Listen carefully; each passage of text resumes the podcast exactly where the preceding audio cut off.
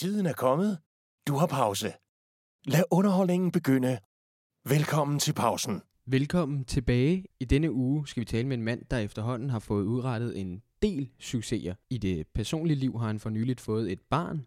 Tillykke med det. Tak. I det professionelle liv er der dog også sket en hel masse. Ugens hovedperson har skrevet manuskript til blandt andet Journal 64, Flaskepost fra P, Fasandræberne, Kvinden i buret, En kongelig affære, øh, som han også har instrueret. Udover det har han også skrevet manuskript til Mænd, der hedder kvinder, Kongekabale, hvor sidstnævnt også er instrueret af ham. Listen er lang, og det samme gør sig gældende for de flotte priser og nomineringer, han har indsamlet sig. Tre gange Audience Award, alle sammen fra forskellige filmfestivaler. Så har han derudover vundet tre Robert, en Prix Saint-Germain, en Bodil, en Silver Berlinbær, en Grand Prix, en Europe Cinema Platinum Award og et total af 26 nomineringer, hvor to af dem er en Oscar og en Golden Globe. Hvis I ikke har gættet det, så står hans navn også i titlen. Det er selvfølgelig Nikolaj Arcel. Tak fordi du gad at komme. Det var så lidt. Ja, tak. øh, det er jo ikke svært at sige, at det er en kæmpe ære, at du har lyst til at sidde her med os i dag. Det, det er bare hyggeligt at være, synes Ja, jeg. det er godt. Ja, altså øh, fordi vi er så glade for, at du har lyst til at være med, så har vi fået en gave med til dig fra vores. Nej. Nu kan du rejse mig op her. øhm, hvis du gider forklare den til mig. ja, for helvede. Det er en gave fra vores sponsor, der hedder Ish Spirits, og de laver altså alkoholfri produkter. Øhm, de laver både en sprit uden alkohol, de laver en gin tonic uden alkohol, og så laver de øh, rom og gin uden alkohol, og en hvidvin og en, og en øh, rosévin. Er fantastisk. Så du får lige lidt af alt der. Nej, hvor er det perfekt. Øh, Det er skide godt for min øh, forlovede. Hun ammer, så det Ja. er helt perfekt. Så kan vi lade som om, at hun drikker drinks. Når jamen, det er det. Altså, der er 0 procent. Ja, der er ikke engang genialt. noget i, i vinen i hvert fald, Nej, og så er de andre, der er 0,2, ikke? Så det må du lige sige, hvad du synes om på et eller andet tidspunkt. Ja, det ser godt ud. Øh, men Nikolaj, det er jo ikke en hemmelighed, at du har fået lavet en hel masse. Så jeg tænker, at det bedste at starte med, det er jo starten i sig selv. Du tog afgang fra den danske filmskole med en prisbelønnet afgangsfilm, og så må du sige, om jeg siger det rigtigt, Wojciechs sidste symfoni. Det er rigtigt. Okay, godt nok. Øh, men hvor startede øh, interessen for film allerførste gang? Jamen altså, det mærkelige er, at jeg kan næsten ikke huske det, fordi at øh, i modsætning til mange andre af mine kolleger, så, så, øh, så tror jeg, så, så kom det sådan, ikke, det var egentlig ikke noget, der kom sådan, da jeg min, min ungdom eller senere, eller da jeg begyndte at få øjnene op, det var noget, jeg havde lige siden jeg var helt lille. Jeg tror måske, jeg var 9 eller 10, da jeg først begyndte at lave min første, dengang smalfilm. Mm. Det er sådan noget, der nærmest ikke eksisterer mere, men altså, jeg havde et smalfilmskamera, mit far havde givet mig, og jeg begyndte at lave film allerede dengang, øhm, da jeg var helt lille. Sådan nogle fuldstændig hjælpeløse film, selvfølgelig øh, bare sådan øh, nogen, der stod og fjollede eller dansede og sådan noget. Men, øhm, men der var jeg også ret interesseret i, øh, da jeg så blev 11-12 år gammel, der blev jeg helt vildt manisk samler af Star Wars-figurer. Ja. Øh, og så begyndte jeg at lave sådan nogle øh, stop-motion-film, hvor Ja. Star Wars-figurer, de bevægede sig hen over sådan nogle landskaber. Dem var jeg så nødt til at bygge. ja. Og de der landskaber, de, øh, de drønede rundt i. Og det betød, tror jeg på en eller anden måde, at jeg ret tidligt fik sådan en, en, øh, en ubevidst fornemmelse for at skabe verdener, mm. og have lyst til at fortælle historier i verdener. Og, og, det, og det blev jeg så bare ved med, altså siden jeg var de der 10 år gammel, og så til nu har jeg faktisk aldrig rigtig lavet andet, Nej. eller været god til andet. Så, Ah, ah, okay. okay. så på en eller anden mærkelig måde, så var det sådan helt nærmest helt ned i DNA'et, at, øhm, at, jeg, at, jeg, øh, at jeg lavede film. At man kan at sige, hvornår jeg begyndte at tro på, at det kunne blive en karriere. Det var jo først meget senere. Altså, Mm. øh, så skulle jeg lige igennem rockmusikerdrømmen, og så skulle jeg lige igennem øh, alle mulige andre øh, drømme, som man altid har, ikke, når man er øh, 13, 14, 15 osv. Ja. Men øh, jeg tror, øh, jeg tror, da min øh, søster blev skuespiller, øh, og hun, hendes mand var teaterinstruktør, Ja. er, er teaterinstruktør, Ja. øh, der, der begyndte jeg sådan at få indblik i uh, behind the scenes i virkeligheden, ikke kun bare nede i min kælder, mm.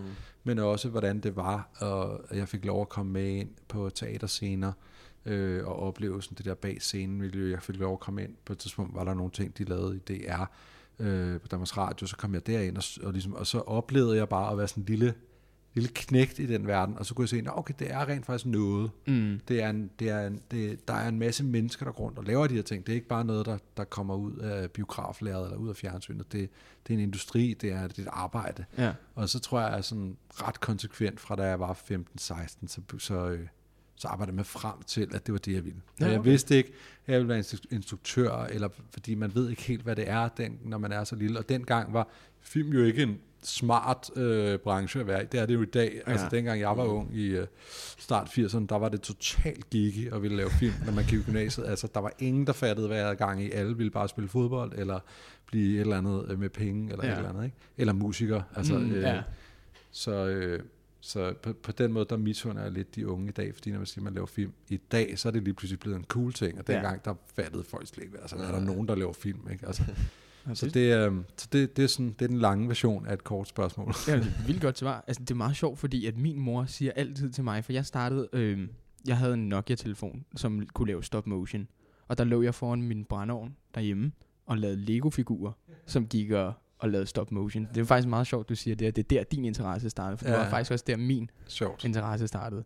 Øhm, Det er meget fedt, at det alligevel spreder sig over generationer. Det er de samme ting, man Mm. synes er- er griner. Når man ja, lille. præcis. Men, men prøv, du, øhm, du finder ud af det. Øh, Det er ligesom det, du vil i den Mm. 15 års alder der. Ja.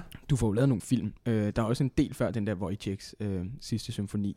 Men hvornår synes du egentlig, at du lavede din første rigtige film? Var det, var det den første, som De vendte aldrig hjem i, øh, fra 1997? Eller er det Klatretøsen, som er den første spillefilm, du ligesom lavede fra 2002? Eller er det måske en helt tredje film, du tænker er den rigtige første? Jeg synes faktisk, den første rigtige film, jeg har lavet, hvor jeg tænkte, det, det er min første film, det var Kongabale, som var min første spillefilm, efter jeg kom ud af filmskolen. Mm. Klattertøsen skrev jeg manuskript til, det var sindssygt stolt af, at jeg havde skrevet manuskript. Der var en anden, der instruerede. Mm. Og derfor så, jeg synes selvfølgelig, det var kæmpestort, at der var en film, der kom ud, som jeg havde skrevet. Ja. Men, og det var, dengang var det vanvittigt stort, men, det, men min første min film, Ja. som jeg følte, det her det er min, det er min egen, det er min historie, det er mig, der har stået både manuskript og instruktion og alting, og har bestemt det hele. Det var Kongabale, og det var også den første film, jeg rent faktisk var stolt af. Altså mm. alt, hvad jeg havde lavet op til det punkt, der tænkte jeg sådan, oh, fuck, altså jeg tror ikke, jeg havde lavet noget, jeg egentlig synes var særlig godt. Øh, heller ikke min afgangsfilm, heller ikke noget, noget af de der kortfilm. Jeg synes, det hele var, på et tidspunkt havde jeg det lidt sådan, jeg kan, jo ikke finde ud af det her. Øh, men, øh, men Kongabale, der tænker jeg, this is it. Altså, den, øh, den, den synes jeg sad i skabet, og den ville alle de ting, som jeg havde drømt om, at den Ja. skulle. Altså, at, øh, at det lykkedes, og det var første gang, det lykkedes. Altså, at lave det, som jeg ville gerne ville, ikke? Mm. Altså jeg kan bare sige, at klatretøsen fyldte meget hjemme hos os. den, den synes min søster var vildt fed, og så fik ja. Jeg lov til at se den også, og så synes jeg, det var vanvittigt. altså, Ja. øhm, men efter, efter at du laver Kongekabalen, så, så kommer der en hel masse opmærksomhed din vej. Hvordan har det været at opleve al den opmærksomhed komme din vej så? Jeg synes, det var, det var lidt tricky, fordi at, øhm, jeg tror på en eller anden måde, alle, alle sådan, øh, jeg har vel været ældre end jer, da den kom ud, ikke? Altså, Mm. så jeg har været sådan 29, øh, 30, sådan noget i den stil, ikke? Mm. Øhm, jeg synes på en eller anden måde, at det, der var svært, det var, at på, for det første, så sad jeg i en situation, hvor at når, man laver, når det første, man laver, øh, egentlig, som kommer ud til et publikum, det var jo den første film, jeg egentlig skulle instruere. Mm. Altså, øh, kan man sige kommercielt, eller som, som skulle ses af folk. At det gik rigtig godt. Altså, Ja. Og det var farligt, fordi jeg kom til at tro, at det var bare sådan, det var. Mm. Altså, jeg kom til at tro, at når man altså, nå okay, ja, det, øh, hvis du bare laver noget, du godt kan lide, som er fedt, sådan noget, så, så bliver det en kæmpe succes, og så går der vildt mange mennesker, der ser den, og den får super gode anmeldelser, den vinder en masse priser. That's it, det er super nemt. Jeg vidste, det var så nemt. Jeg er jo super fed. Og, så. Ja. og, så, og, og samtidig, så, øh, og samtidig så, øh, så kan jeg også godt huske, at jeg allerede da jeg stod deroppe og fik den der Bodil ikke, for bedste film, øh, for min første film, der tænkte jeg sådan lidt, det er også lidt mærkeligt. Altså, mm. det er sådan, jeg troede egentlig, at der skulle en eller anden kurve til, altså jeg troede, det skulle være en rejse det her, at du starter et sted, så bygger du noget op, og du bliver dygtigere, og pludselig så, åh oh, fuck, så får du en bolig, og det er for sindssygt. Men på en eller anden måde, så tror jeg bare, at jeg blev sådan lidt, jeg, jeg kan huske, at jeg tog hjem efter den der prisfest, og var sådan, følte mig meget øh, tom indeni. Okay. Jeg tænkte sådan, hvad nu? Altså, fordi nu har jeg faktisk opnået det, som jeg troede ville tage mig 10 år at opnå, at lave Ja. en, en succes og priser, og, og der blev skrevet rigtig pænt om den, og alle de der ting. Mm. Så jeg havde sådan en underlig tom fornemmelse, øh, og følte mig egentlig ikke særlig øh, selvsikker på, hvad det næste skulle være. Og det viste sig egentlig også, at altså, min næste film fik jo slet ikke den succes, og Nej. slet ikke den der prisregn. Altså, det gik fint og sådan noget, men det var overhovedet ikke, altså sådan lidt lidt sådan forbigået, ikke? Altså, Jo, og, jo. og, det, og det problemet med det er, at når du starter stort, ikke? Og det er også sådan, jeg tror også, det sker for nogle enkelte andre, jeg ved, for Thomas Winterberg, som, du ved, festen og, ja, og sådan noget, ikke? Altså, når der kommer sådan forventninger, så det, num, det du laver lige efter, det, det kan næsten ikke andet end at skuffe. Og så skuffer det bare mere voldsomt, end hvis du ligesom startede lidt stille og byggede det op. Så hvis du starter stort, øh, jeg siger altid til folk, der får en kæmpe succes med det samme, jeg siger, pas på, mm. virkelig, virkelig pas på, fordi Ja. At lige om lidt, så gør det ondt, ikke? Altså, øh, Ja. Og det, det, det er helt klart noget, man må tage med, når man starter sådan. Den du afgår med ikke? På, på filmskolen, der har du altså nogle... Du har Lars Brygman med, øh, du har Nikolaj med og Charlotte, og hvad hedder han? Hvordan siger du hans navn? Ja. Ja. Det er jo nogen, der har fået et ret stort navn nu. Så du har jo haft en relativt god start med at få nogle altså, gode skuespillere med, Mm. ikke? Og, og du siger også, at din søster, hun har jo også været med i en, en del film. Altså, Ja. Hun har været med i Kongekabalen, Klatretøsen, Wojciechs sidste symfoni og Journal 64. Ja. Så hun har, har hun haft en stor effekt på, hvordan du ligesom kom videre derfra. Jeg tror, hun, jeg tror altså, de der film, jeg tror, det er også meget naturligt, at man så bruger nogle, altså hvis ens familiemedlem er skuespiller, og mm. man Mm. selv er instruktør, så tror jeg, det er naturligt, at man indimellem siger, hey, har du ikke lyst til at spille med i den Ja, her? Ikke? klart. Øh, og, øh, men altså jo, altså det, det, den effekt, min søster har haft, tror jeg, at jeg var på et tidspunkt, hvor jeg var meget stadig ung og gik i gymnasiet, Mm. der var hun professionel skuespiller, altså. Ja. Og det tror jeg havde den simple effekt på mig, at jeg, kunne, at øh, jeg oplevede, hvordan det var at arbejde i branchen professionelt. Altså simpelthen bare kunne se, okay, hun lever af det her. Det er mm. både sjovt, og hun, det er et job. Det vil sige, at på den måde, og hun inviterede mig jo indenfor, og gennem hende har jeg jo også lært rigtig mange mennesker kende i branchen og sådan noget. ja. Øh, øh, så, så, så på den måde har hun haft stort indflydelse. Og som jeg også sagde før, hendes mand, øh, Michael, som også er instruktør, viste mig jo også på en måde, at du kan lave det her som job. Ikke? Mm. Okay. Nå, men vi vil gerne lidt ned i noget, for vi har jo lavet, vi har prøvet at lave noget research på dig. Og, og det virker jo som om, der er nogle film, du har skulle være med i, som vi ikke rigtig kan finde mere på nu. For eksempel øh, en film, du skulle lave med Matt Damon og Ben Affleck. Den mm. du bliver undervejs, tror jeg det er. Eller RFK, Ja, ja, men den kommer undervejs eller lidt efter Dark Tower, ikke? Jo. Der står altså her, at den bliver startet med at arbejde, de, de arbejder på den fra 2010, du bliver høret i øh, 2017. Og hvad så? Men altså, det der, det der sker med RFK, det er jo, det er jo øhm, film om øhm, Robert Kennedy, ikke? Mhm. Mm. Øh, John F. Kennedy synger og bror. Ja. Øh, det er, at øh, Matt øh, skulle have en manuskriptforfatter til at skrive den. Han har altid drømt om at spille den rolle. Mm. Og så hyrede han øh, mig og min øh, daværende medforfatter Rasmus Heisterberg øh, til at skrive manuskriptet. Øh, fordi at jeg ligesom havde en god idé til, hvordan det kunne løses, kan man sige. Mm. Så skrev vi det, og så da, jeg havde, da vi havde skrevet det, så spurgte han, om jeg også ville instruere det. Så det var egentlig meget sådan vildt på det tidspunkt, mm. Mhm. og det, det ville jeg selvfølgelig gerne. øh, det, der er sket øh, med den lige nu, det er faktisk ret komplekst. Altså, den film handler jo om en Kennedy, hvid mand, Mm. som redder, som hjælper en masse sorte øh, i USA. Øh, de fattige, de svage, sorte, øh, hispanics og sådan noget. Og det der i virkeligheden skete, mens vi skulle ud og finansiere filmen og få penge til den og ligesom lave den, det var, så kom øh, Black Lives Matter og Me Too, og altså hele verden ændrede sig. Den mm. har ændret sig de sidste fem år. Det vil sige, lige pludselig så sad vi i nogle lokaler, hvor de sagde, "En hvid mand redder øh, nogle sorte. Det ved vi ikke rigtigt, om vi lige synes er op i tiden. hurtigt Så misforstået. den, ja, eller, eller der, bliver, der var ikke så mange, der gider det mere. Altså, de, det har været sådan en, en ting, der er blevet lavet rigtig mange af sådan nogle, øh, de kalder det white savior film, ikke, i, øh, Hollywood. Altså, det er bare ikke op i tiden på samme måde mere. Altså, så vi, vi blev ramt af tidsånden, simpelthen. Ja. Altså, at, øh, at man sådan, vi vil gerne se en film om nogle sorte, der hjælper sorte, Ja. eller, men vi gider ikke se en film om en hvid, rig mand, der synes, det er synd for de fattige, for det, det orker folk ikke. Og det kunne jeg egentlig godt, det kunne jeg godt respektere.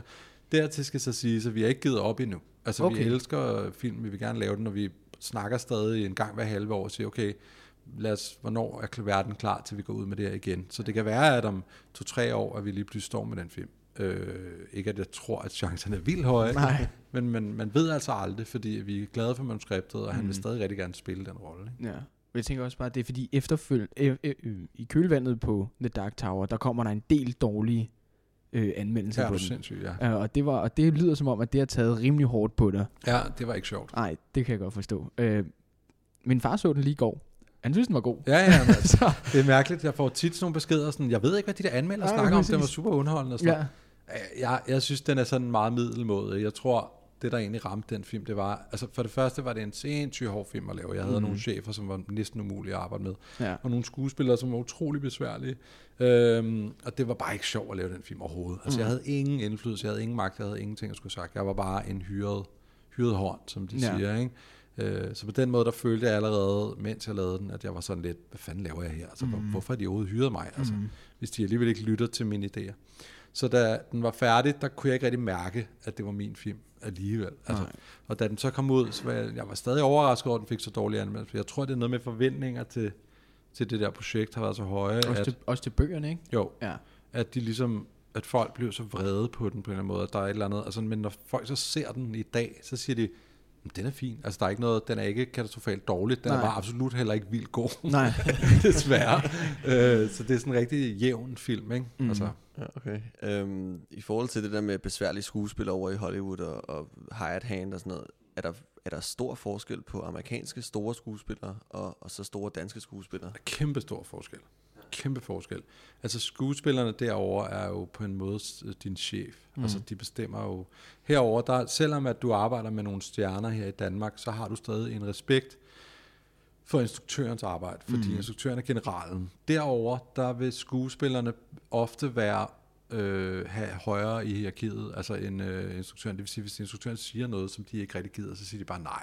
Altså, okay. eller ligesom sådan, Ja, okay. øh, og, og, i, og i uh, Dark Towers tilfælde, der var der, der var der meget kaos. Der var, jeg kan ikke sige det sådan, jeg kan jo ikke rigtig sige så meget. Øh, men, men, men der var jo, der var jo skuespillere, der bare valgte ikke at møde op, fordi de havde været på druk, og der var altså, hvor man, altså det øh, fuckede det op hele tiden, ikke? Altså, hvor man simpelthen ikke kunne, øh, kunne lave en almindelig arbejdsdag, altså fordi at så var der lige en, der var skæv, og så var der lige en, der var noget andet. Altså, de har en helt anden, et helt andet ego, en helt anden måde, og ligesom, øh, men det er så, jeg, så vidt jeg ved, så er det heller ikke alle, der er sådan. Altså, men det, jeg var også bare lidt uheldig. Altså.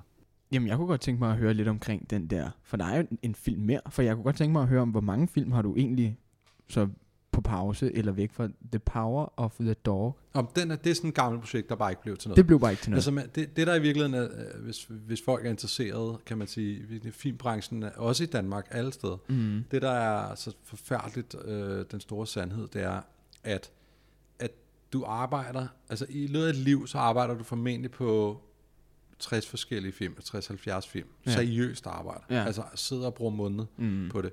Og der er måske 20 af dem, der bliver til noget. Så, så Ja, okay. helt gængs, der ved du ligesom, at hver gang du starter et projekt op, så er der 30% chance for, at det bliver til noget. Så, du, øh, så, så you better be sure, at det er noget, du virkelig elsker. Ja. Fordi at, øh, fordi at øh, de fleste film går ned. Altså, okay. Også i Danmark, de fleste film kan ikke finansieres. De fleste film, øh, selvom du selv synes, det er genialt, så ender det med, at vi kan ikke finde en skuespiller, eller øh, der er sgu ikke nogen, der vil betale for det, eller mm. øh, et eller andet. Ikke? Jo. Øh, så, så det er faktisk øh, meget normalt, at, de, at der er rigtig mange, hvis I spørger folk i filmbranchen, så vil de sige, har du nogle ting i skuffen, du er ked af ikke blev til noget, så vil de sige, er du sindssyg, jeg har Ja. 15 projekter, som ikke blev til noget. Ja. Og det er sådan helt almindeligt. Altså det, det, det gør ondt, men man lærer at leve med det, ikke? Jo. Det er også fordi, øh, lige præcis øh, The Power of the Dog, der lyder det som om, at dig og Rasmus har arbejdet længe på den, og I synes faktisk, at det var det bedste, I havde lavet. Ja, Altså, Ja. hvad så? Er det ikke mega hjerteskærende? jo, det er super hjerteskærende. Det er super hjerteskærende. Og RFK, altså nu håber jeg stadig, det bliver til noget, var også sindssygt hjerteskærende. Mm. Fordi det, det er det der med at arbejde på noget i halvandet år. Ikke? Ja. Altså, øh, altså jeg, der er også en anden film, jeg har arbejdet på i snart tre år, altså, som stadig ikke er blevet til noget, hvor jeg bare sådan, åh, nu op. Altså, Hvad er det jeg, for en film? Den hedder øh, Monster Florence. Ja, jeg, den, ja.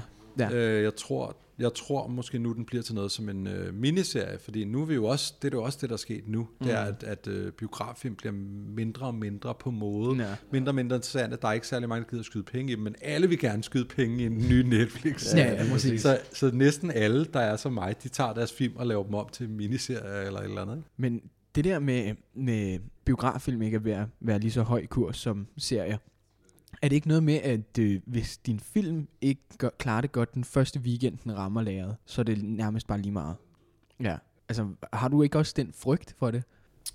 Jo, det er også derfor, at de fleste af de film, jeg arbejder på, er nogen, jeg i udgangspunktet øh, tror kan blive store. mm. altså, jeg er, jo, jeg er jo sådan i modsætning til, lad os bare, der er jo andre, øh, andre, andre typer instruktører end mig i Danmark. Jeg er jo nok en af de mere kommercielle. Mm. Altså, selvom at det er jo ikke fordi, jeg laver sådan noget far til fire, vel? Men Nej, altså, nej. jeg, jeg laver da film, som er sådan publikumsvenlige. Ja. Øh, og også fordi jeg selv godt kan lide film, der er publikumsvenlige. Jeg Ja. går ikke så meget ind og ser de der helt mørke arthouse, Nej, øh, okay. polske, fire timer lange Nej, nej, øh, nej. historien om rugbrød. Men, altså, men, øh, men, jeg, øh, men jeg kan godt, altså, men jo, selvfølgelig er det uhyggeligt, men samtidig så er det sådan, hvis du laver noget, som du er stolt af, og som du virkelig godt kan lide, så er det svært at slå en af pinden, synes Mm. jeg. Fordi så, så har jeg det sådan, så skal folk nok komme, og hvis de ikke kommer, så er du alligevel skide stolt af det. Og Ja. du, altså, det, det værste, jeg oplevede, det var at lave den der Dark Tower, hvor jeg sådan så film og tænkte, jeg er ikke engang stolt af den, jeg synes ikke engang, den er fed. Men, altså, så kan det være ligegyldigt. Altså, Men har det ikke også noget at gøre med, at de amerikanske øh, folk derovre, de vil bare ikke miste ansigt, så hvis det bliver dårligt, så fortsætter de bare. De Ja, ja, ja. ikke om på det, så. Fordi Ja, ja, de ikke vil, hvis du siger, jamen det skal være sådan her, så siger de, nej, det. Men det, men det er også underligt, fordi at der er også, en, det er også en anden verden, fordi Dark Tower, det er sådan en, en lidenkendt Mm. faktor, der tjente rigtig mange penge. Ja, Altså, der var rigtig mange, der så den. ja.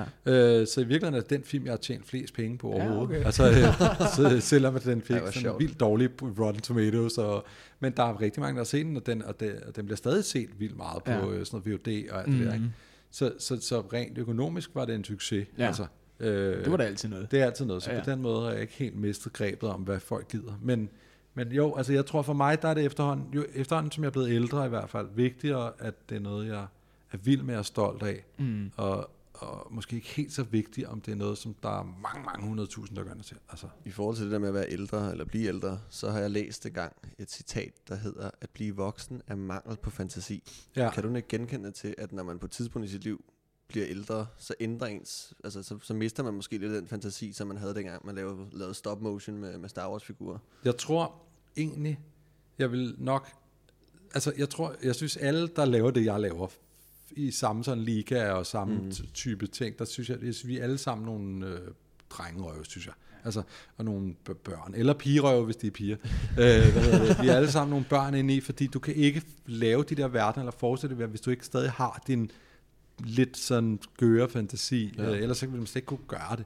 Og man er nødt til stadig at sidde og trippe over, hvor, hvor sjovt det er. Ah, så kommer der en, og så styrer de lige, og sådan noget. Det er jo fuldstændig ligesom at lege, lege på en legeplads stadigvæk. Det, der sker, når man bliver ældre, synes jeg, det er, at ikke så meget fantasien forsvinder, men det er, at, at der, er en, en, øhm, der er en kurve af kynisme og bitterhed, der stiger. Okay. Fantasien bliver sådan set, men den der, den der sådan, det her bliver alligevel ikke til noget. Ja. Øh, det, det, det, øh, vi kommer aldrig til at... Øh, det, altså, eller det, det bliver vildt hårdt. Åh oh, nej, det kommer til at tage to år at lave det her. Altså, det, den der form for, øh, for, for visdom, man får, når man lige går op for en, hvor svært det er at lave film, Mm. efterhånden, som man har lavet nogle flere, så begynder den at overtage og kvæle fantasien lidt. Ah. Så du har det sådan lidt, fuck, jeg kan godt lave det her, og så begynder din kyniske ældre hjerne at sige, "Ah, gider du nu lave det der? Du ved jo, at det ikke engang sikkert, det bliver til noget, og det tager to-tre år af dit liv. Og, så altså, det er mere sådan noget, synes jeg, der går ind og, og tager fantasien væk.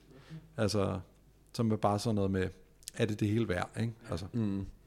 Vi er, Ja. vi er det der drengerøv, sagde du lige, eller pigerøv, hvis det var. Men, men sandheden om mænd, det er jo, det er jo, det er jo inspireret af, af dit eget, og også dine venners liv. Øh, hovedpersonen hedder Mads, han har djævlerisk svært ved at, øh, ved at strukturere sit eget liv og få styr på sine mange manusidéer og sit kærlighedsliv. Vi kunne simpelthen ikke lade være med at tænke, hvor meget af det her kommer fra dit eget liv. jamen, Gør altså, det overhovedet det? Ja, er du sindssygt, ja. Meget af det kommer fra mit eget. Altså, det, det handler altså, det er virkelig en, er det en, jeg skrev den, jeg kan ikke huske, hvad fem og midt midten af 30'erne, der skrev mm. den, det handler om en mand i 30 års krise, ikke? Altså, mm. det er sådan, man er ved at have en kæmpe depression, og ligesom føler, at, at, nu, at nu er hans liv sådan, som det alt er på plads, og han har fundet den kvinde, han skal have, og han har det arbejde, og, men han blev ikke helt til det, han gerne ville, og sådan noget. Så han får den der kæmpe depression, og stikker af fra det hele, starter forfra, og Ja. finder en alt for ung kæreste og prøver at skrive en kunstfilm, som går helvedes til, og er dårlig. Og sådan. Så det, på den måde var den, den var inspireret af mit eget liv, Rasmus Heisterberg, min medforfatters liv, og vores venners øh, historier. Men, og som ligesom var sådan en, men det var også en komedie, det vil sige, at det hele er sådan meget overdrevet. Mm. Altså det er selvfølgelig, han er dybt patetisk med at sige, i uh, den film, Ja. som i øvrigt er en, altså min egen personlige yndling, som min, af mine film, ikke? Mm. Øhm, Heldigvis er jeg ikke helt lige så latterlig, som han er. Men altså, han er meget, øh, han er meget naiv også, ikke? og tror, at, at hele tiden, og nu er lykken lige om hjørnet.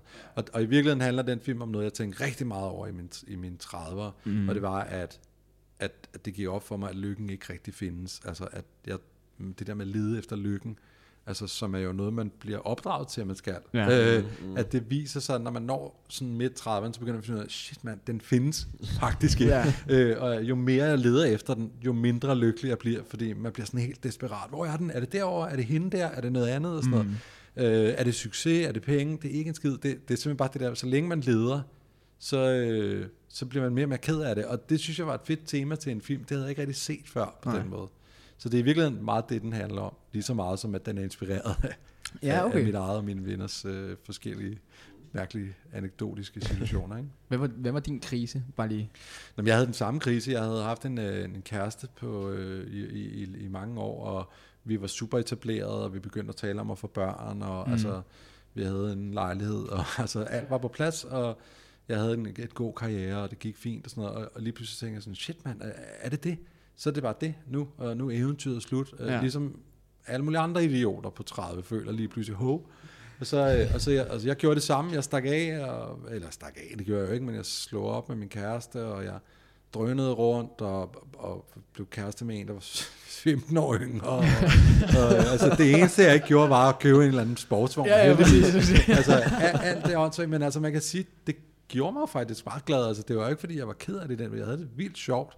Men det er klart, at i dag, jeg er 48, jeg har lige fået mit første barn? Mm. Øh, baby. Det er klart, at jeg nogle gange tænker, åh, det kunne også have været fedt at have et at få et barn lidt tidligere. ja, ja. Jeg lige havde sådan taget mig lidt sammen, altså fordi det, det er hardcore at få, få baby, når man er 48. Altså. Ja. Men altså, jeg fortryder ikke øh, det der. Jeg, jeg synes, jeg tror måske for mig var jeg bare simpelthen for umoden altså til at, at, at- at starte det der seriøse voksenliv som 30-årig. Jeg- Der måtte altså gå de der 10 år til, før jeg var klar til det. Ikke? Jo. Øhm, nu, nu siger du, at du er blevet lidt ældre, og du har et barn nu. Øh, I går snakkede vi sammen med Mikkel Klintorius, som er komiker, og, og jeg tænker lidt på, hvor meget stress er der, når man laver det, du laver, især nu. Øh, fordi altså, har du nogen form for angst eller klump i maven, når du rammer udgivelse, eller når du sætter dig ned nu og går i gang med et projekt, fordi nu må de altså også godt blive til noget, så ikke? Øh, jeg regner med, at du selvfølgelig har en masse ting i kassen, der bliver til noget, men er der den der med, at det skal blive til noget? Tænker du i forhold til forsørge familien og sådan? Ja, bare sådan lidt, at nu man altså nået op til, hvor man ikke måske behøver at spise kopnudler, hvis det går helt, helt, helt galt, ikke? Og man har... Så altså, jeg tænker, er der ikke en stress med, med ja, at forsørge familien måske? Altså jeg vil sige, jeg har været heldig i mit liv, og aldrig de sidste 15-20 år ikke haft den der angst for, om det økonomiske slår til. Og der, på den måde er jeg jo selvfølgelig utrolig privilegeret. Øh, fordi at, at, at jeg har været heldig at skrive en masse film, som gik godt, og som stadig bliver set meget. Man Mm. får sådan en man får de der royalties, man får sådan nogle Ja. årlige indtægter. Mænd, der hedder kvinder, for eksempel, Ja. og altså øh, mange af de der Juicy-film og sådan Mm. noget. Det er film, som jeg kan leve af ja, de næste 10-15 år. Altså jeg har ikke... øh, På den måde kan jeg sagtens overleve. Jeg har heller ikke et særligt øh, dyrt liv. Jeg lever, jeg har en lille lejlighed, Mm. mm. og der bor vi, og en lille prutbil, og jeg behøver ikke noget. Altså, så på den måde er jeg ikke økonomisk øh, bange, men jeg er kunstnerisk bange Mm. hele tiden. Jeg Ja. er nervøs for, om, om, øh, om ting bliver gode, Ja. om jeg selv bliver glad for det, om jeg synes, det er godt nok, og når det så er sagt, synes andre det er godt, Mm. øh, hvordan bliver det modtaget, øh, vil jeg overhovedet sige noget med det her? Sådan noget har jeg konstant angst over. Altså, Ja, okay. øh, det plager mig dagligt. Altså. Fuldstændig. Men altså min, øh, min tidligere svigerfar, altså min ekskærestes far, han mm. sagde altid, at øh, tvivlen er det, det vigtigste, man kan have som kunstner. Altså tvivlen og angsten. Hvis man ikke har den, hvis man bare er fuldstændig sikker på, at alt, hvad man laver er fucking fedt, så Ja. tror jeg også, man har problemer. Altså, fordi så, Ja. øh, så kan man ikke, så, så koncentrerer man sig ikke nok, vel? Altså, Det er også meget gode ord ja, at få med sig. ja, fuldstændig. Uh, jamen bare også, øh, fordi nu sidder vi her og laver det her, og vi har lavet et par andre ting også, hvor man hele tiden... Jeg er meget nervøs for, om ting bliver okay. Selvfølgelig. Og så Asger, han er lidt mere den, der siger til mig, Chill. det skal nok gå. Ja, men, Tag den men, men jeg tror, vi begge to har den der form for perfektionisme. Altså, ja. Jeg vil bare godt have, at når ens navn står på, Ja. så, så vil jeg, altså, det skal være i orden. Ikke? Altså, Det jeg forstår skal jeg i hvert fald selv være tilfreds med det. Ja. Ja. Men jeg vil sige, det er godt at være, det, det, jeres kombi lyder god, fordi jeg har altid allieret mig med folk, Mm. Jeg skriver jo altid sammen med nogen. Ja. Jeg har altid allieret mig med folk, som siger, slap nu for helvede af. Ja. Det er jo, det er jo meget godt. Ja. Altså, Mm. øh, fordi man har brug for... Så, hvis man er to, der har det, så kommer man aldrig til at lave noget. Så sidder man bare og fedter med det i 10 år. Jo, altså. Bliver bare derhjemme. Ja, der er nødt til at være en, der synes, det er nogenlunde Ja. nok. Ja. I forhold til det der med at samarbejde med folk, Mm. mm. altid, så vi har jo ikke, vi har jo lagt mærke til, når vi har læst om det, at Ra- Rasmus Heisenberg, Ja. ham arbejder du meget sammen med. Ja, i, i gamle dage. Ja, i, når i gamle dage, ja. Ja, ikke mere. ikke mere. Øhm, så man kan ikke kalde jer et makkerpar nu. Dengang var vi fuldstændig tight. Vi skrev alt sammen i 15 år. Ikke? Okay. Øh, Er der en grund til, at I ikke arbejder sammen med? ja, jeg tror simpelthen bare, vi blev vokset fra hinanden. Ja. Altså, okay. og, og øh, jeg tror også, det handlede om, det meget praktisk, at jeg boede i Los Angeles, det gjorde han også, så, Mm. arbejdede, så flyttede han hjem, han, skulle, have- han fik så det voksne liv, fik børn, og Ja. ja. han flyttede hjem, og der blev jeg der så, så der på det tidspunkt, hvor han tog hjem, der begyndte jeg også at arbejde øh, meget mere sammen med Anders Thomas Jensen, som er øh, sådan min helt klart faste skrivepartner nu. Mm. Øh, vi laver stort set alt sammen lige nu, både hans og mit og andres ting. Ikke? Øhm, så, så vi ligesom, at det tror jeg også er meget sundt, at man i sit liv har mere end én fast samarbejdspartner, Mm. ikke? fordi altså, Mm. det, ellers det kan blive lidt voldsomt, hvis man bare i 30 år sidder med, med, de samme, med den Ja. samme person. Ikke? Så altså, hvordan blev I, I påvirket af hinanden i forhold til kreativitet og sådan noget? Jeg tror mere, det var sådan noget med, at det bare var, at vi hele tiden fandt på idéer sammen og, og hjalp hinanden. Og sådan noget, ikke? Er Sparringsmarker. sparringspartner Ja. fuldstændig. Vil, det, vil det sige, at du har været med ind over øh, den film, han lige har lavet? Øh, ja. Ja. Retfærdighedens rytter. Ja. ja. Ja, det er faktisk, øh, det var oprindeligt en idé, som vi fandt på sammen. Det står også i credits. Ja. Han har gemt det rigtig langt ned Ja, i credits. vi så det godt. Dumme svin. Ja. Men, øh, hvad hedder det? Ej, han, vi, vi, vi, havde, vi har aftalt godt, at det kunne ligge dernede. Nej, men det var en idé, vi uh, brainede på sammen. Ja. Øh, og så øh, på et tidspunkt, så spurgte han, hey, må jeg ikke øh, tage den der idé, vi snakker om at lave det til en film? Så jeg, jo, selvfølgelig. Mm. Og så har vi ligesom, men så har jeg selvfølgelig også været øh, inde over læse manuskriptet og sidde og kigge med i klippebordet. Altså på den måde er vi jo sådan inde over en anden ting. Nu jeg er i gang med at skrive en, eller han, vi er i gang med at skrive en, en stor spillefilm, som er min næste spillefilm, som øh, vi skriver fuldstændig 50-50, altså så, så øh, det er også ret sjovt, Er det noget, du kan fortælle om? Nej. eller? desværre. Det er også okay. Vi, har, vi, så, øh, vi så et med et græsk interview, du engang lavede. øh, jeg tror, det var til Ej, kæft, det er sjovt. den der Berlin. Ja. Øh, men, men hvor, du, hvor hun også bare spørger, er det noget, du kan? Nej, det er det sådan set. er, det sådan, er det meget øh, med, at det er en hemmelighed? Altid? Ja, altså nogle gange er det jo ikke nogen hemmelighed. Jeg kan jo sagtens forstå med alle mulige andre, men lige præcis det her er jo sådan, at når det ikke, er, når, altså, når det ikke har været ude til pressen endnu. Mm, når man ikke har været øh, officielt ude for, at fortælle nogen som helst, at man er gang i det, ja. så er det bare, så, så siger man det ikke. Altså, Nej, okay. Det er bare en gylden regel. Ja, altså det, det er fordi, altså man, man, øh, der er jo sådan en pressestrategi for Mm. alting. Det er det ene, og det andet er, at jeg også er sådan en overtroisk. Altså, Ja. jeg vil ikke, øh, før jeg er færdig, jeg vil sidde og skrive på det nu, ikke? Ja. Så før jeg er færdig med manuskriptet, og ligesom der står slut, og jeg har det godt med det, Ja, så kan jeg ikke så godt lide at tale om det. Fordi Nej. så begynder jeg at jinxer det på en eller anden ja måde. god idé. Altså, Ja. Ja, ja. I forhold til at, at, at være med på en film som idé, hvordan fungerer det? Altså, bliver man hyret ind til at lave en idé, eller, eller er det bare, fordi man sidder lige pludselig sammen med en person og får en idé? Ja, så? i det her tilfælde var det, fordi vi var vi, vi, vi er venner, så vi sad i LA i hans fede hus ved en swimmingpool og snakkede idéer. Og så, øh, jeg tror, jeg havde sådan en idé om, øh, som minder meget om retfærdighedens rytter, men som var så dengang, var det en idé, at det skulle være til en tv-serie. ja. Og så sagde vi sådan, åh, det er fedt, og så sn- snakkede vi om det i et par uger, og fandt på karakterer og idéer mm. og sådan noget. Og så, øh, fordi jeg skulle noget andet, lige, eller vi, vi gik i gang med noget andet, så tror jeg bare, at vi smed det lidt på hylden. Det gør man jo også rigtig tit. Ja. Altså, øh, og, så, og så tog han det bare op her for halvandet år siden, og sagde, hey, ved du hvad, jeg tror sgu, jeg tager den der Mm. og laver om. Jeg har en idé, hvordan man kan lave det til en spillefilm. Har du noget imod det? Sådan, nej, nej, det gør du bare, ikke? Ja. Altså, Den blev snakket med om, at den skulle være ligesom, øh, hvad hedder den? Blinkende lygter. ja, Det var der rigtig meget at snakke om. Jeg vil sige, jeg kan alle linjer ja. I Blinkende Lygter. Ja, jeg har mig. set den fra Ja. den, altså, Klassefilm. forever. Øh, min kæreste er træt af, når jeg siger, skal vi ikke lige se den? Og så, når vi ser den, så snakker jeg hele vejen igennem. Og, øh, det synes jeg bare ikke, den blev til. Har du hørt meget omkring det? nej, ikke andet end, at jeg tror slet ikke, han er jo, han var jo en, det var hans første film. Mm. Altså, og han var jo en total drengerøv, da han lavede Blinkende Lygter. Mm. Det var alle de der hele ganget, og de skulle altså...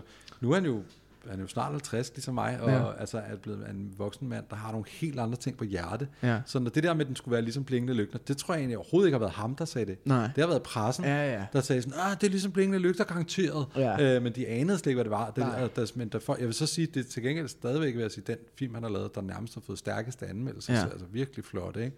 Og blevet set af sindssygt mange mennesker, indtil den lige blev smækket ned af corona og lockdown. Ja, ja, Ja, det er selvfølgelig uheldigt, Ja. ikke? Men altså, den nåede virkelig at blive set af mange, bare på de to uger, den var ude. Så for ham er det jo en kæmpe succes. Mm. Altså, og jeg tror, han er rigtig stolt af den, med god grund. Ikke? Altså, han, det han ligesom ville fortælle, har han fortalt. Ikke? Ja, vi, vi, ja, da jeg så den, øh, der synes jeg, det var rigtig, rigtig fedt, det her med det her begivenhedskort, og den måde, det flipper igennem, hvor man siger, om det er ham, der er terroristen, og så ser man ham bare komme hjem, og overhovedet ikke være terrorist eller noget, ikke? og i starten ja. med den der cykel, hvad er det egentlig, der gør, at Præcis. Moren dør, ikke? Ja. Og, øh, og det har vi faktisk tænkt, vi, øh, nogle aftener, når vi sidder og laver research, så hører vi lige noget guitarspil, og så snakker vi lige måske lidt for dybt om tingene, og der synes vi, at det der var mega fedt Mm. hele det begivenhedskort. Så vi har også været ude i at sige, hvad er det, der gør, at ting bliver, som de er? Tror du, du har haft noget, for det handler også lidt om held i det her, og uheld, ikke? Tror du, du har haft et sted, hvor du ligesom kunne sætte på dit begivenhedskort, det her, det var mit held. Det var her, det startede for mig. Hvis det ikke var sket det her, så var, var det resten af begivenheden ikke sket. Jeg tror, jeg kan finde flere. Ja. Altså, men jeg tror, at det, det, væ- det væsentligste, tror jeg, for min karriere, der har været, der har været flere ting. Men det væsentligste, den første store ting, der startede korthusets, det gode korthus, ikke? Øh, der blev bygget op, det var, at, at øh, jeg havde skrevet Kongekabale, Ja. og dengang, der var der ingen, der troede på den film, fordi det var en politisk thriller, og det kunne man ikke lave i Danmark. Det var aldrig rigtig lavet før. Nej. Der var ikke nogen, der troede, det ville blive spændende. Folk troede, det, man ville grine af det, fordi det var, det var røvsygt. Det var Christiansborg. Man kan ikke tage det alvorligt. øh, og så, øh, hvad hedder det, um, og så var der en, altså, og der var ikke nogen penge til det inde på instituttet, hvor man skal hente sine penge. Ikke? Øh, men, så, men så var der en anden film, der blev lukket ned en eller anden tirsdag eller sådan noget. Øh, og så ringede vi bare ind og sagde, prøv at høre, vi har lige hørt, at den der anden film er blevet, lige er blevet lukket ned, så nu har I lige øh, nogle Ja. millioner i overskud. Her. Er det ikke nu, I bare lige skal smide dem i den her? Og så sagde ham der, der stod for de penge, så sagde han, jo for helvede, okay, så, giver, så får I pengene. Ah, altså, det okay. var eddermame heldigt. Altså, hvis det ikke havde været for det, så tror jeg ikke, jeg havde fået penge til den film, og så havde jeg ikke kunne lave den film, der startede hele min karriere. Men, men lige så stort var øh, mænd og kvinder, Ja. da nogen øh, ringede og spurgte, har du lyst til at skrive det her manuskript? Mm. Kæmpestort for mig. Ja. Og det sidste har helt klart været, at jeg kan huske, at vi gik en tur i parken, mig og min søster faktisk. Ja. Og jeg sagde, jeg aner ikke, hvad jeg skal lave næste gang. Jeg, jeg, jeg er totalt tom for idéer. Og så sagde hun, hvad med Struense og Karoline Mathilde? Den er der aldrig nogen, der lavede. Så blev det så til Kongelig Affære, ikke? Ja, Som ja. helt klart har været min største succes. Ikke? Så på den måde er det jo helt random, hvad der sådan gør, at man, hvad der rammer en, og hvad der gør, at man laver de ting, man gør. Altså det værste, det var dengang, når nogen sagde, har du lyst til at lave Dark Tower? Klip til tre år senere. Fuck! I forhold, til, I forhold til, du snakker om instituttet, øh, det, det går ud fra Filminstituttet herhjemme. Øh, du har også snakket om, at, at da du kom hjem fra USA, der, der ville du meget hellere arbejde herhjemme, fordi at, at hele opbygningen i industrien Hmm. var anderledes end i Ja. USA. Så Ja. jeg tænker, går man til instituttet og får penge til alle film, hvor i USA, der går man til nogle investorer og Mm. pengemænd, og Ja. så har de magten, hvor... Ja. Altså er det den forskel, der er? Det er det. Her i, her i Danmark er det offentligt støttet. Det vil sige, at du har selvfølgelig nogle konsulenter, der sidder og skal fordele pengene, men de er ikke, de har ikke selv deres egne, kan man sige, penge i din film. Hvorimod i USA, så alle, alle dem, som du taler med dagligt, det, det er deres firma. Mm. Ikke? Om det så er Sony eller nogle andre. Eller, altså, ja. Deres firma, det vil sige, at de har et sindssygt, altså det er fuldstændig, du nærmest, du, du laver et produkt til deres firma. Og det er forskellen øh, her. Det er derfor, at øh, kreative folk i Danmark er, har en større frihed og en større øh, autoritet, altså fordi at mm. det er jo staten. Det vil Mm. sige, at staten blander sig jo ikke i, hvad du, hvad du vil, altså, men det gør de i høj grad derovre. Ikke? Ja, okay. Tror du, at, at det kan have noget at gøre med, at, at altså, jeg synes, at, at der er mange danskere, der er succesfulde inden for, for, for både filmbranchen og sådan noget. Er det, tror du det er fordi, at vi har den der kunstneriske frihed herhjemme, som gør, at man kan ligesom vokse i det? Fuldstændig. Jeg tror absolut, det er, du kan jo se det på, altså, det, det, det tydeligste måde at se det på, det er, prøv at tage stort set alle danske, danske instruktører, der har lavet fede film herhjemme, er taget til USA og lavet noget lort, og så taget hjem igen og lavet noget fedt. Tom, mig, Thomas Winterberg, Ole Christian Madsen, øh, øh, Ole Bornedal, altså alle, alle, alle, alle, alle danske instruktører, der har taget til Hollywood, har bare lavet noget lort. Og Susanne Bier, altså er kommet hjem igen, og så lavet noget fedt igen. Altså mm. det er bare nogle helt andre vilkår. Vi, vi danskere er alt for frihedssøgende og anti-autoritære til at kunne finde ud af at arbejde under det der ekstremt sådan hårde mm. øh, boss-tyranni, der ligger der, og der skal man bare gøre, hvad der bliver sagt og sådan noget. Det kan vi slet ikke finde ud af. Altså. Er det så ikke lidt sjovt, du gerne vil lave flere Hollywood-film? Nå, men det vil jeg egentlig. Jeg, jeg har fået en anden holdning til det. Jeg arbejder ikke på den måde med Hollywood-film Okay. mere. Jeg arbejder med engelske produktioner, Okay. altså og, øh, europæiske produktioner, fordi mm. hvis du tager til England, så er de stort set ligesom vi er her. Ja. Altså, det er noget andet. Det der rene Hollywood-film, det, mm. det holder jeg mig så langt væk fra. Altså, øh, Ja, okay. som, er, som er 100% amerikansk finansieret. Det gider jeg ikke igen. Nej, det forstår jeg godt. Det er forståeligt nok, ja. Det er meget forståeligt. Kan, hvad hedder det, kan alle blive øh, manuskriptforfattere? Ja, nej, det kan Det ville være sjovt, hvis jeg havde sagt ja. Ja, alle kan blive... Ham der henne på hjørnet, ham der, der drikker rigtig meget vin, han kan sige, det? nej, det kan man ikke. Øh, der er faktisk, øh, der er ikke så mange øh, gode, synes jeg. Altså, det, det er noget med, at jeg, det er noget med, at der er, du skal ikke kun have gået på en skole og kunne mm. være god til at fortælle en historie i et rum og sådan noget. Det er også noget med at have, det allervigtigste faktisk, det er at have øre for dialog. Altså, der, jeg læser så mange manuskripter, hvor sådan, historien er egentlig meget god. Der er ikke noget galt med ideen. Altså sådan, der sker et mor, et eller andet. Sådan. Ja. Men når du så læser replikkerne, så er de helt forfærdelige. Og det er sådan, at folk altid tror, at replikkerne skal skrives på en eller anden måde. Så sådan, hey du der, hvordan i alverden har du det? Altså, sådan der. Og det, det der med at prøve at tale sådan nogen, altså prøve at skrive, som, som, så, så det er realistisk, så du tror ja. på, okay, den der taler nu er en et eller andet 30-årig øh, bokser, og den der taler nu er en øh, kvindelig advokat. Altså, Ja. alle taler forskelligt, og du skal kunne have ører for det der. Ikke? Mm. Og det er desværre, fordi altså, jeg synes tit, jeg læser manuskripter, hvor alle taler sådan lidt underligt ens, og, Ja. og sådan lidt skrevet på en eller Mm. anden måde. Ikke? Så man skal også have en eller anden form for retorisk Man skal bare have flere. Det, du skal bare have ører for det, tror jeg. Altså, der, der, er også, øh, der, er også, der er mange, som er sindssygt dygtige til at skrive øh, gode historier og, finde, og strukturere rigtig gode historier, som ikke har ører. Så er der nogen, der er enormt gode til at øre for dialog, men som ikke er specielt stærke til at måske finde på noget særligt spændende. Øh, der er jo mange film, hvor man sidder sådan og keder sig lidt, men man kan godt mærke, at scenerne er meget gode og Ja. sådan noget, men, det, men det, er sådan, der sker ikke så meget. Øh, så sådan nogle er der jo også. Det er, Ja, lidt, det er lidt forskelligt. Ja. Og, øh, altså jeg er for eksempel typisk ikke den stærkeste karakterforfatter. Altså jeg er god til plot, så jeg er god til at skrive mm. dialog, men jeg er ikke sådan nødvendigvis vildt god til at skabe sådan nogle helt unikke karakterer. Sådan. Men det er Anders Thomas for eksempel, så vi er et super godt uh, makkerpar, altså Ja. fordi så supple, su, su, supplerer vi hinanden rigtig godt. Ikke? Jo.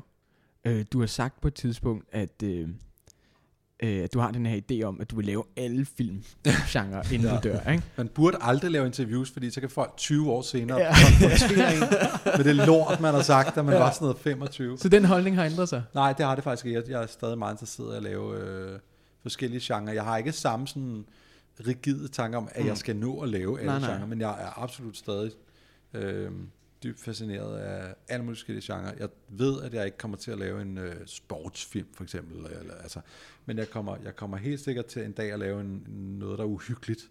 Ja. Øh, jeg kommer helt sikkert en dag til at lave noget, der er sådan, sådan kæmpe episk, sådan westernagtig. Og, altså det, jeg tror, men altså, man har jo desværre altså, kun de år, man har, så jeg kan nok ikke nå alle. Sci-fi kunne jeg også skide godt tænke mig, det skal man ikke lave på dansk, fordi Nej. nej. det er der ikke budget Nej, til. nej. Vi havde faktisk snakket om, at vi troede ikke, du ville lave det der western eller, eller gys. gys. Nej, Og det er meget sjovt, at det er lige det, du vil lave så. Jamen, west, jeg vil ikke lave western med cowboys. Nej, okay. Hvis jeg laver western, så bliver det sådan noget med en skæv vinkel, men altså, jeg vil gerne lave, for eksempel synes jeg, Django var mm. super fed. Det var også en western, ja. Ja. men den var bare helt anderledes. Ja. Lige præcis. Ja, Det var øh, faktisk men, rigtig, rigtig øhm, fed. Men jeg kunne godt tænke mig at lave en horror. Jeg elsker gyserfilm. Mm. Altså, ikke sådan noget splat, vel? Men Nej. øh, så overnaturligt eller psykologisk gys, det synes jeg er super Ja.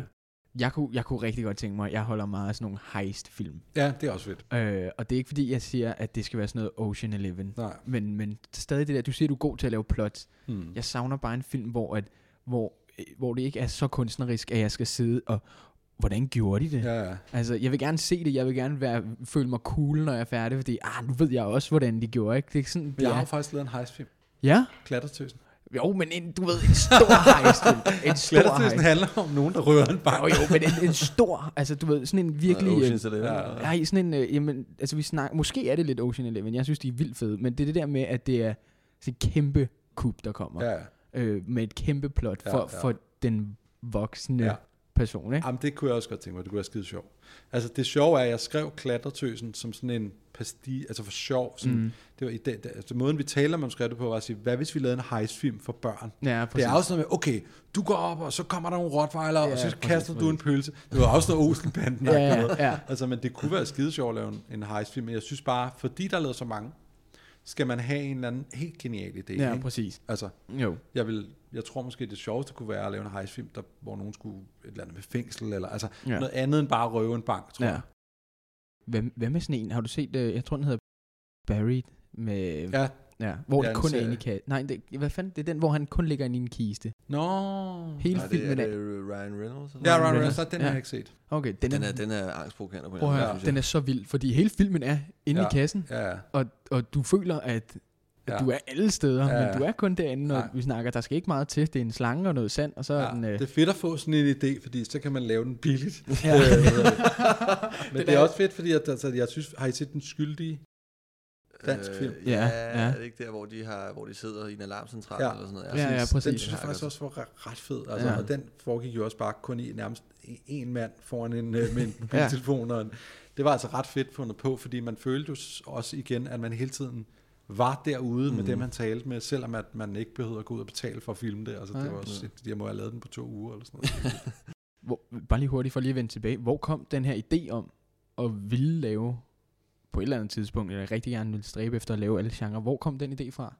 Jeg tror faktisk egentlig, den kom fra sådan, hvem der var mine forbilleder, da Mm. jeg var en ung, øh, en ung wannabe-filmer. Og det var primært sådan nogle som Steven Spielberg, Ja. og han laver alle genrer. Mm. Så laver han en krigsfilm, så laver han en Indiana Jones, så laver han en Jaws, så laver han ja. et eller andet. Altså, jeg tror, det er fordi, at jeg var så imponeret over, at han kunne få alle øh, typer filmgenre til alligevel at blive hans mm. øh, på en eller anden måde. Det synes jeg var vildt fedt. Ja. Og han havde sådan en speciel, han har et kendetegn, ikke? Nu er han sådan lidt gammel og ikke helt så dygtig længere, eller Så det er han er blevet sådan er lidt, han er blevet lidt træt, tror jeg, men altså, han har eddermame lavet mange fede film, synes jeg. Mm. Har du nogle gode råd til, til folk, der godt vil lave film og manus, eller, eller bare generelt filmbranchen, som, som du måske godt vil have vidst, da du var yngre?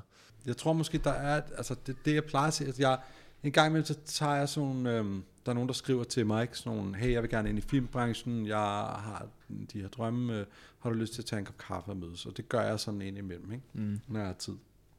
Og snart det er ofte sådan nogle, der er omkring 20, 21, 22, sådan noget, ikke? Ja. Og der synes jeg, altså mit, mit, det jeg altid siger, det er sådan, øh, super fedt, bare kør, du skal bare vide, det er sindssygt hårdt arbejde. Du skal virkelig, virkelig bare sætte dig ned og fokusere og skrive, skrive, skrive, skrive og blive ved og blive dygtig. Læs en masse bøger om, hvordan fanden man gør. Prøv at komme ind på skolerne og sådan noget. Og der er alligevel mange, sådan, som siger, "Jamen, man kunne også bare lave en film. Øh, altså bare gå ud, nu kan vi bare lave en mobil og sådan noget. Så siger, de, det er også rigtigt, det, det kan man også, men, men der er sådan, den der restløshed, tror jeg ikke hjælper. Altså jeg tror, man er nødt til at have det der eye on the ball. Altså Mhm. det tager lang tid at komme ind i at blive dygtig og, og blive til noget i filmbranchen, og det er virkelig svært at bare komme ud af ingenting og bare sige, jeg har lavet en film her, og sådan noget. Altså det der med, øhm, acceptere, at det er lige så svært som at blive læge. Mm, altså okay. det tager tid, studer, øh, læs, øh, gør det og sådan noget. Selvfølgelig gør det og sådan noget. Øh, men, øh, men, men, men sæt nogle år af til at blive super god til det, fordi så har du en chance, når du kommer ind i branchen. Fordi der er så mange, der gerne vil lave film, og så mange, der laver film på YouTube og alt muligt pisse og sådan noget, Mm. og det, at det ikke det er jo, ikke, det, det er jo, en, det er jo 0,2 procent, der Mm. breaker. Altså, Ja. Resten er jo sådan noget, som ingen ser, og, og i øvrigt aldrig bliver set af nogen. Og sådan noget, ikke? Mm. Så det, det er mit råd, det er bare rigtig, rigtig kedeligt morfar-råd. Det er sådan, arbejde hårdt og, Ja. ja. øh, og, gør- og øh, blive dygtig. Altså, det, ja. Det er sgu det. I, I går der fik vi at vide af, af hvad hedder han, Mikkel, at han havde set en, en dokumentarserie, hvor de sagde, øh, hvis du har mange undskyldninger, så kommer det aldrig til at ske, hvis du siger, om jeg går lige gang, øh, øh, men efter det her, når jeg lige har fået det her barn, eller når jeg lige har, Skal de have en ny computer, så, Lige fordi så kan jeg sidde og lave det så kan jeg lave det. Så bliver det ikke til noget. Og så sagde han også, at øh, ham fyren i den her dokumentarfilm sagde, ved, ved, en gang så gik han forbi sådan nogle construction medarbejdere, eller arbejdere, der stod i New York, og brugte 100 timer om ugen på at lave noget, de havde at gøre. Så hvorfor skulle han ikke øh, bruge lige så lang tid på noget, han elskede at gøre? Mm. Er det det samme altså, du skal være klar over, du skal Mm. lægge tid i det, Ja. Det er meget vigtigt, og der er ikke nogen grund til at komme med undskyldninger, fordi Nej. du skal bare i gang. Hvis du gerne vil det, skal du i gang. Ja, men det er der ingen tvivl om. Altså man kan altid, man kan altid, altså livet er jo i, det, i sig selv en undskyldning. Altså Mhm. man er jo hele tiden det der med at sætte sig ned og skrive et manuskript, øh, det lyder sjovt, men det er også bare røvsygt. Altså, Ja. Nogle gange er man også bare, især fordi det, man hele tiden går i stå, og, og fuck, det virker ikke alligevel, og åh, nej, og jeg kan ikke finde på noget. Og Ja. Man har jo meget mere lyst til at gå ud til en, og feste, eller sætte sig ned med nogle venner og hygge sig på en café, eller gå ud med en eller anden sød pige. Eller, altså, der er så mange ting, man har mere lyst til, end at sidde foran sin computer og prøve at lave noget, som er svært. Det er Mm. klart. Øh, så det synes jeg er et rigtig godt råd, ham der Mikkel. Mikkel gav. Ja. Øh, men jeg er ikke nødvendigvis selv så god til at følge det. Jeg er rigtig god til sådan at, at, at udsætte ting. Sådan, jeg, skal, jeg ser lige det, et, et til afsnit af den her. Sådan noget, altså, Ja, det det, er rigtigt, det, godt. det gør tit, at man ikke øh, får lavet noget. Men så, så gør jeg til gengæld det, at jeg har sådan nogle, øh, som jeg kalder sådan nogle øh, tunnel, øh, så bobleperioder. Ja. Altså hvor jeg, sådan, jeg laver ingenting i lang tid. Mm. Og så lige pludselig så sætter jeg mig på øh, sætter mig i to uger i 24 timer i døgnet nærmest Ja. og kun øh, fokuserer på et eller andet, ikke et Ja. manuskript eller sådan noget. Og så kan jeg godt på en eller anden måde, hvis det lukker mig fuldstændig af. Ikke? Det kan man så ikke længere nu, hvor man har baby. Nej, Nej, det er så det- det, jeg skulle til at sige. det Der er lidt ekstra at kigge efter. Men øh, du sagde bare lige, og det vil være nok en af de sidste spørgsmål, men du sagde øh, og lige et afsnit mere af det her. Hvad ser du? Altså, fordi ja. Jeg tænker, det må være vildt fedt, hvis du, øh, hvis du kunne give et eller andet, en eller anden øh, insight i, det her det er en mega fed film, som måske er lidt ældre eller nyere, eller det her det er en fed serie. Har du noget, du ligesom vil, Oh, men, ja, men det er- det er røvsygt, fordi jeg ser det samme som alle andre. Som for eksempel? Nå, men jeg ser, jeg ser det, alle andre ser. Så du også How I Met Your Mother og sådan noget? Ja, ja. Gør du det? jeg ser, ja, ja. Og jeg ser, jeg ser øh, ja, og Friends og sådan noget, men jeg Ja. ser også uh, Stranger Things, og Ja. øh, altså, øh, det, det, hver gang der kommer en eller anden hyped ny øh, serie på HBO, ja, så ser jeg også lige den, Ja. og det, det nye på Netflix og sådan noget. Er det ikke også en del af arbejdet at gøre det? det, det, kan jo bilde, mig- det kan jo bilde folk ind, ja. men det er det jo ikke. Det er jo bare total adspredelse. Ja. Ej, men jeg ser, jeg ser, jeg vil sige, generelt så synes jeg, jeg ser det sådan, når man, når man hører, men jeg lytter til, hvad folk snakker om. Mm. Og så siger de, øh, har I set den der, øh, hvad er det nu, der er lige nu? Er det ikke den der øh, Queen's Gambit, alle taler om nu på Jo. Netflix? Jo, jo, jo, jo, så ser jeg den. Men det må jo være interessant, siden alle taler om ja. Det sådan noget, ikke? Eller, men det er tit sådan, øh, men jeg synes også, nu er der så meget, at nærmest, man nærmest ikke kan finde ud af det, men der kommer jo en ny serie hver uge. Ja, altså, det gør det virkelig. Men, Ja. men hvad ser I? Øh, jeg ser, jeg ser alt.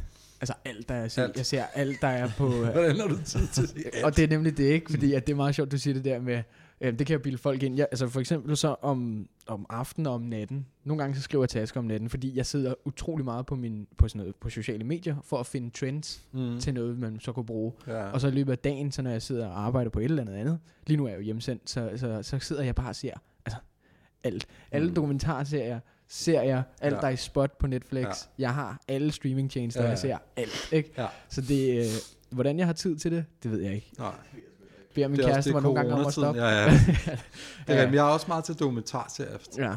Åh, oh, jeg synes det der Cosmos med ham der, den amerikanske videnskabsmand, der forklarer alt, der okay. er sket i... Ja, det Er også det på Netflix, eller hvad? det er på... Jeg tror, det er både på Viaplay og Amazon Prime. det skal jeg lige tjekke ud. Jeg Det har er- Amazon Prime. Det er vildt fedt. Fedt. Uh, Cosmos, og Det det, er, det, det, altså, det, er, det er rigtig nørdet. Altså, det er sådan noget, hvor du... Alle øh, de store videnskabsmænd, du får hele deres barndom. Mm. Og så er den fedt visualiseret, og de, kører, de flyver i sådan et fantasi... Han kalder det... Øh, et eller andet fantasiskibet, Mm. hvor de så kan dykke ned i alt og blive stor og lille og flyve rundt i tiden. Og så er det Mm. mega... Det synes jeg er det fedeste at se. Ja, Øh, hvis du godt kan lide sådan noget, ja. så skal du klart se. Jamen, det kan jeg godt. Ja. Det, det lyder sjovt. Mange, mange, mange tak, fordi du gad at bruge din søndag eftermiddag. Eller i hvert fald Selvfølgelig. noget af den ja, sammen med os. det var hyggeligt. Held og lykke med, med de næste film, du skal lave. Tak skal du have. Vi glæder os til at se dem. Og hvis, øh, hvis, I, hvis I har lyst til at høre til de andre afsnit, så kan I høre det næste eller det forrige, hvis, der, hvis I også gerne vil nå til der, hvor de andre er nået til. Eller i hvert fald få nogle, noget inspiration. Øh, der er i hvert fald mange gode råd. Nikolaj er også kommet med en hel masse gode ting i dag. Og så høres vi bare ved i næste afsnit. Du har lyttet til pausen. Tak for, at du lyttede med. Følg os på Spotify, så du altid har en makker i din pause.